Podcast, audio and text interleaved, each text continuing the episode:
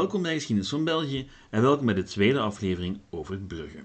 Vorige week hadden we het over het ontstaan van de stad, deze week belichten we de bloei van het grote historische Brugge, de handelsmetropool, weet je wel, Venetië van het noorden. Bijgevolg hebben we het vandaag over Italianen, Denen, Duitsers, kruisvaarders, verzanding en een heleboel oorlogjes. Dat en nog veel meer in deze aflevering van Geschiedenis van België.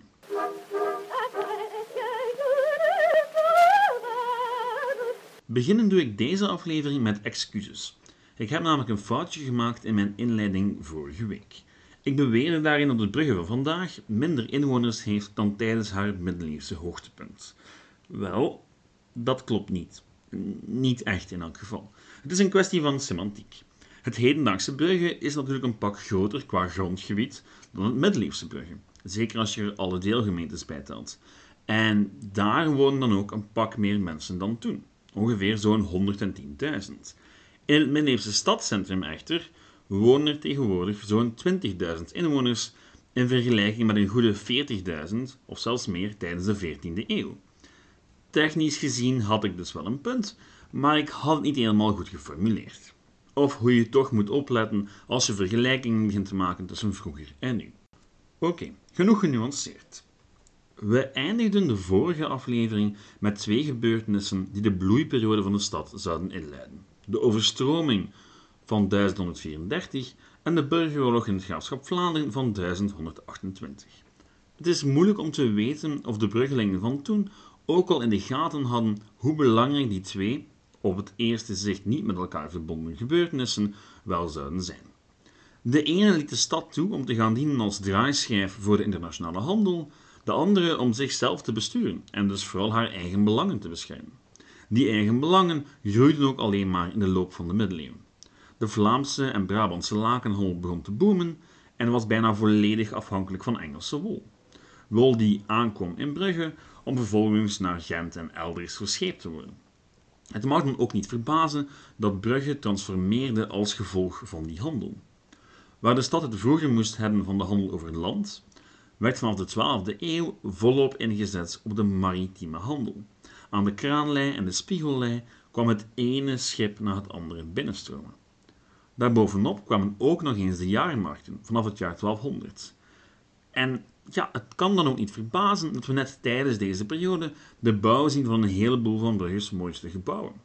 Waar de stad in de 12e eeuw nog grotendeels uit hout bestond, evolueren ze langzaam maar zeker naar een stad van steen. In het midden van de 13e eeuw telde de stad zo'n 45.000 inwoners. In 1240 begon men al met de bouw van het Belfort. En Belforten zijn nu eenmaal bij uitstek symbolen van de stedelijke macht, van hoe rijk en hoe welvarend men wel geworden is.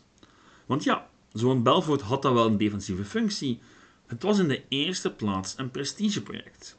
En eens een stad dat soort statements maakte, kon je er zeker van zijn dat de bevolking ook onder elkaar zou proberen om elkaar de loef af te steken. En dat kon op verschillende manieren. Het bouwen van mooie stenen huizen natuurlijk, maar even goed het investeren van persoonlijk kapitaal in publieke werken. Een kerk bijvoorbeeld. En wie geld had, droeg dan bij aan de bouw daarvan en liet een kapel voor zichzelf inwijden in het nieuwe gebouw. Bovendien wou je in die kapel misschien wel de mooiste kunst van dat moment hangen.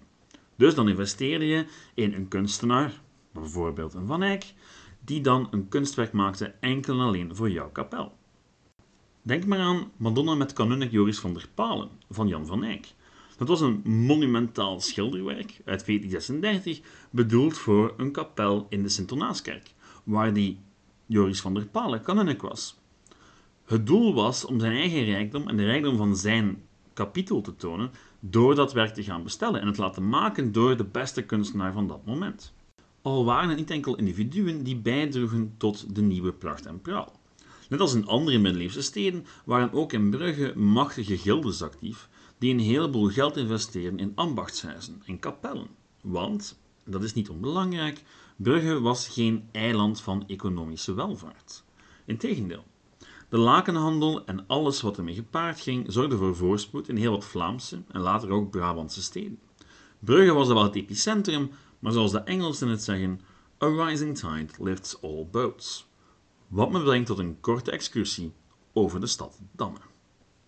waarom een stukje over dammen in een aflevering over bruggen?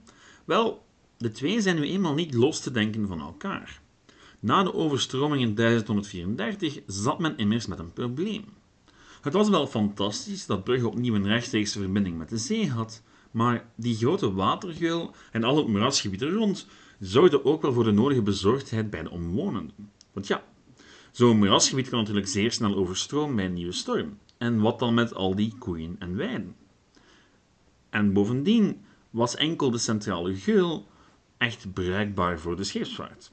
Net daarom besloot graaf Philips van den Elzas, zoon van Diederik, om het Zwin af te dammen. Aan die dam ontstond een haven waar vracht van vrachtschepen kon overgeladen worden op lichtere schepen, die de handelswaren naar het centrum van Brugge brachten. Achter die dam ontstond dan ook een gloednieuw stadje, genaamd, jawel, Damme.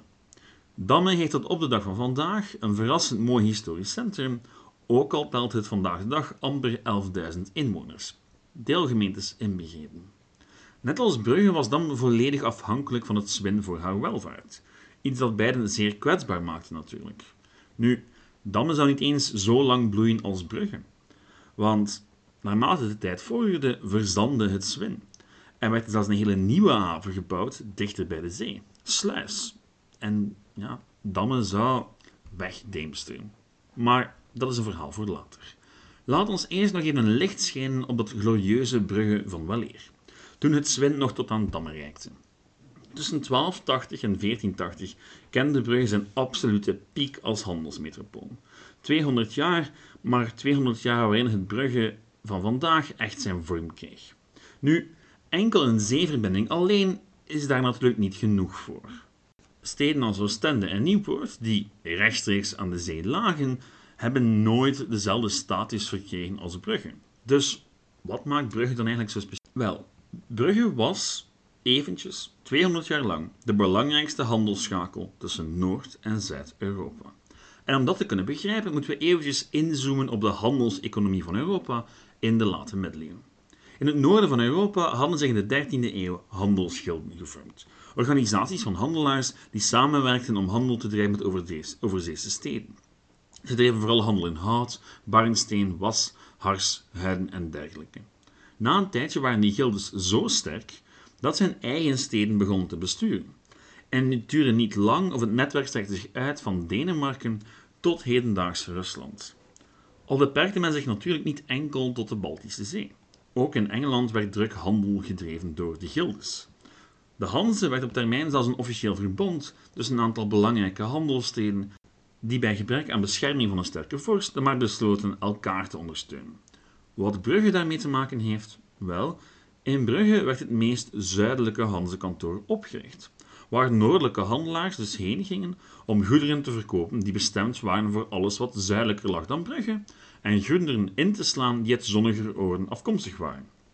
Wat me brengt tot de Italianen, namelijk de Venetianen, de Genuezen, enzovoort en zo verder. Allemaal vestigden zich op een bepaald moment in Brugge, waar ze duchtig handel dreven met die Noorderlingen. En omdat die handelaars vaak met meerdere uit dezelfde streek kwamen, werden al vlug consulaten en of natiehuizen opgericht. Of waarom Brugge tot de dag van vandaag een heleboel nogal internationaal getinte straten heeft. Denk maar aan het Biscayerplein of de Spanjaardstraat. De Medici hadden een bank, de Portugezen een natiehuis, de Engelsen en de Schotten een consulaat en nog een eigen weeghuis daarbovenop. Initieel waren al die buitenlandse handelaars in de eerste plaats in Brugge vanwege de handel. De goederenhandel, de vrachthandel. Maar toen gebeurde er iets vreemds. Doordat er zoveel financiële instellingen en handelaars op één plek waren, ontstond er ook een nieuw soort handel, geldhandel. Of zoals we het vandaag misschien zouden noemen, beurshandel. Al moet ik hier wel een zeer belangrijke nuance aan toevoegen. Ja, wij Belgen doen niets liever dan beweren dat de internationale beurshandel is ontstaan in middeleeuwse En toegegeven, daar kan je best een aantal argumenten voor geven, maar zo eenvoudig is het natuurlijk ook niet. Een gelijkaardig concept bestond al in Rome, ten tijde van Cicero en co. En al in de 11e eeuw bestond er in Frankrijk een systeem van geldschieters die handelden in schulden. Nu goed, desalniettemin ontstond er wel degelijk iets nieuws aan het beursplein in Brugge in de 13e eeuw, iets dat de wortels zou vormen voor het hedendaagse beurssysteem. Om te beginnen die naam. Dat beursplein haalde zijn naam niet van de beurs, maar het was eerder omgekeerd. De naam komt van een herberg die daar stond. Een herberg in handen van de familie van der Beursen, waar heel wat handelaars de nacht doorbrachten als ze in de stad moesten zijn. Aan datzelfde plein stonden ook nog eens een heleboel Italiaanse handelshuizen. En dan begint het al eenvoudiger te worden om te begrijpen waarom dat plein door velen beschouwd wordt als de geboorteplaats van de internationale beurshandel. Omdat het zo centraal lag en omdat er heel veel handelaars aan het plein woonden of verbleven, werd het de plek waar ze elkaar ontmoetten en waar ze onder de afdakken van het plein handel begonnen te drijven in wisselbrieven. Nu, zo'n wisselbrief was een heel handig middeltje. Voor een Italiaanse handelaar was het niet zo gemakkelijk om hele kisten met goud mee te slepen naar Brugge. Men handelde dus liever via wisselbrieven. Dat waren betalingsopdrachten waarmee een van beide partijen naar een derde kon gaan om uitbetaald te worden. Die derde werd in de loop der tijd een echte bank. Denk maar aan de Medici. Initieel waren die wisselbrieven enkel praktische tools om op een makkelijke manier een handel te doen, maar al vlug werden ook die wisselbrieven verhandeld. En vanaf de 14e eeuw was er in Brugge echt een procedure voor de handel. De beurshandel werd bijvoorbeeld gestart en afgesloten met het luiden van een klok, en de stedelijke ordendiensten hielden toezicht op de goede orde van de gang van zaken. Al is er ook zeer veel dat we niet weten, omdat niemand ooit de moeite nam om al die procedures op schrift te stellen. Feit is wel dat het beurssysteem zich verder zou ontwikkelen in steden als Antwerpen en Amsterdam, toen belang van Brugge begon af te nemen. Maar de naam beurs zou Brugge's hoogdagen wel overleven. Niet alleen in het Nederlands, maar evengoed in het Italiaans, borsa, Frans, boers, Duits, beurze, Russisch, birza, Tsjechisch, burza en Zweeds, Deens en Noors, beurs. Mijn excuses voor die waarschijnlijk verschrikkelijke uitspraak van al die talen. Zwat. Feit is dat er in het Brugge van de 13e, 14e en 15e eeuw heel wat rijkdom geconcentreerd werd. Rijkdom die we vandaag de dag nog steeds kunnen zien. In de huizen, het Belfort, de kerken, tuurlijk, maar evengoed in de kunst van die tijd. Neem nu onze oude vriend Jan van Eyck. Die portretteerde in 1434 Giovanni Arnolfini en zijn vrouw. Arnolfini kwam uit een Italiaanse bankiersfamilie uit Lucca en had heel wat belangen in Brugge. Hij handelde ook in laken. Nu, neemt dat schilderij er even bij, als u kan. Want het portret leert ons een heleboel dingen over het dagelijks leven van de rijken van die tijd. Al moet ik er wel bij zeggen dat geen van de voorwerpen in het schilderij zomaar voorwerpen zijn. Ze hebben een symbolische betekenis, al gaan we daar vandaag niet al te diep op ingaan. Wie weet maak ik ook nog een special over kunstwerken, maar dat is niet voor vandaag. Wat onmiddellijk opvalt in het schilderij is de kledij van het echtpaar Arnolfini. Dankzij het werk van Van Eyck kunnen we bijna elk detail van de stof zien. En jongens, is er veel stof. Ook al doet de bloeiende kersenboom in het raamkozijn vermoeden dat het lente is, de Arnolfinis hebben duidelijk winterkledij aan, waarschijnlijk bedoeld om de prachtige stoffen te tonen die Arnolfini verkocht in zijn lakenhandel. En dat benadrukt natuurlijk ook zijn rijkdom, want we zien zeer veel details in het werk van dat laken. En dan hebben we het nog niet eens gehad over de spiegel. Naast de spiegel zie je een paternoster uit kwarts, een zeer kostbaar kleinood, maar de spiegel zelf, ja, dat is pas echt kostbaar. Daarin kan je zelfs de reflectie van de kunstenaar zien. En rond de spiegel zitten dan nog eens afbeeldingen van het passieverhaal, in zeer gedetailleerd ijzerwerk. Daarbovenop is er nog een hondje, een typisch attribuut voor hofdames uit die periode, en appelsinen. En die appelsinen, dat was pas echt een statement van hoe rijk die Arnolfinis eigenlijk wel waren. Want ja, dat was een luxe product. Dat moest verscheept worden vanuit het zuiden van Europa naar Brugge. En als je dat allemaal bij elkaar optelt, dan is het duidelijk dat er heel veel rijkdom aanwezig was in het middeleeuwse Brugge. Al is de werkelijkheid natuurlijk wat genuanceerder dan dat. Want ja, zelfs tijdens haar rijkste periode waren er in Brugge heel wat liefdadigheidsinstellingen actief. Maar goed, dat is misschien een verhaal voor een andere keer. Nu zouden we natuurlijk enkel en alleen kunnen focussen op al die rijkdom die Brugge en omstreken binnenstroomde in de 13e en 14e eeuw. Maar dan zouden we wel een heel belangrijkere kant van de medaille uit het oog verliezen de politieke. Want vergis je niet, ook toen was nog economische macht gelijk aan politieke macht. Niet in het minst omdat Brugge uitgroeide tot een drukbevolkte stad die haar eigen stadsmilities in het veld kon brengen. Hoe Brugge die politieke macht gebruikte, daar gaan we het over hebben. Maar hoe wordt zo'n stad dan eigenlijk bestuurd? Want ja, de stad had dan wel stadsrechten gekregen, maar wat betekende dat dan eigenlijk? Verkiezingen? En zo ja, door wie? In de 19e eeuw ontstond er een zeer romantisch beeld van die middeleeuwse stadstaatjes. Als waren ze voorlopers van de toen nog prille Belgische democratie. Steden waar het volk en niet de adel het voor het zeggen had. Waar in het belang van dat volk beslissingen werd genomen. Weet u wel. Goed, de realiteit was natuurlijk nog wat anders en natuurlijk vreselijk ingewikkeld. In de 19e eeuw zijn men heel wat middeleeuwse verleden van de lage landen romantiseren, zonder echt zeer veel rekening te houden met de historische realiteit. Want niet alleen was het voor elke stad anders, het politieke systeem kon ook van de ene dag op de andere veranderen. In de 13e eeuw werden heel wat steden rijk van de handel en braken zowat evenveel steden opstanden uit. Opstand tegen de koning, de graaf of gewoon het eigen stadsbestuur.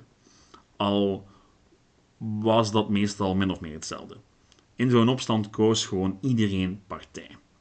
Het bekendste voorbeeld wat Brugge betreft is natuurlijk de Brugse Metten. Maar heel dat verhaal kan u al ontdekken in de aflevering over de Gulden Spoorslag. Vandaag licht ik een andere, minder bekende opstand toe, die ons wel veel zal leren over hoe dat nu eigenlijk in elkaar zat. De Moerlemaaien. Om die opstanden te begrijpen, moeten we het hebben over het patriciaat. Het patriciaat is een klasse van rijke, niet-adellijke families waaruit de bestuurders van de stad gekozen werden. En enkel uit die klasse. Het waren vaak rijke handelaars die van oudsher de macht in de stad in handen hadden. Vaak waren er ook heel wat conflicten tussen die families, waarbij om de gunst van andere fracties in de stad en buiten de stad gestreden werd, om het laken naar zich toe te kunnen trekken. De gildes waren zo een fractie. In Brugge was vooral het lakengilde erg machtig. Zij stonden immers in voor een groot deel van de werkgelegenheid. En als hun voorbestaan in gevaar werd gebracht, dan kon je er bijna zeker van zijn dat de stad op het randje van een burgeroorlog stond. Neem nu die Moerlemaaien in 1280. Door oorlogen tussen Fransen en Engelsen was de woltoevoer vanuit Engeland een stuk moeilijker geworden. En dat zorgde voor spanningen tussen de o zo belangrijke vreemde kooplieden en de bruggelingen. En de graaf, wel, die koos de zijde van de kooplieden. En in de stad braken onlusten uit waarbij zij die de graaf nog trouw waren, de benen moesten nemen. Inclusief de burgemeester en enkele schepenen. Er werd zelfs een heel nieuw stadsbestuur ingehuldigd, bestaande uit die patriciersfamilies die, met de hulp van andere fracties, de macht hadden weten te nemen. De graaf keerde in april 1280 terug om de stad een lesje te leren, maar in augustus van 1281 was het weer al zover. En goed, de graaf wist zijn controle nogmaals te herstellen, maar het mag duidelijk zijn dat het politieke leven in steden als Brugge absoluut geen lachertje was. Al zeker niet met de constante bemoeienissen van graaf en koning, de belangen van de buitenlandse handelaars en de impact van de Engelse wolprijs. Het is dan ook geen toeval dat al die factoren zouden bijdragen tot de Brugse Metten en de Gulden Sporenslag. En dat zijn wel de twee belangrijkste politieke opstanden, maar de lijst van opstanden waar Brugge bij betrokken was, is schier eindeloos. En dat geldt niet alleen voor Brugge, maar ook voor Gent, voor Yper, voor Dendermonde, voor Aalst, voor Brussel enzovoort. Nu, voor vandaag ga ik het hierbij laten. Volgende week, als we het over de uiteindelijke ondergang van de middeleeuwse metropool hebben, passeren er zeker nog enkele politieke conflicten. Wie zich wat meer wil verdiepen in de politiek van het graafschap Vlaanderen en de rol van de stad Brugge daarin, raad ik mijn reeks over de Gulden Sporenslag aan. U vindt een link in de descriptie. Volgende week snijden we een nieuw paar vragen aan. Waarom en hoe werd Brugge in de loop der eeuwen weinig meer dan een slaperig provinciestadje, na meer dan 200 jaar van bloei? En hoe groeide dat stadje dan weer uit tot een internationale toeristische trekpleister? Reageren kan altijd op geschiedenisvan.be, op Facebook bij Geschiedenis van België en via e-mail op geschiedenisvan.outlook.be. Ik kreeg onlangs een paar heel mooie mails en het zijn dat soort zaken die me motiveren om hier tijd en moeite te blijven insteken. Bedankt daarvoor, bedankt voor het luisteren en tot de volgende. Ciao!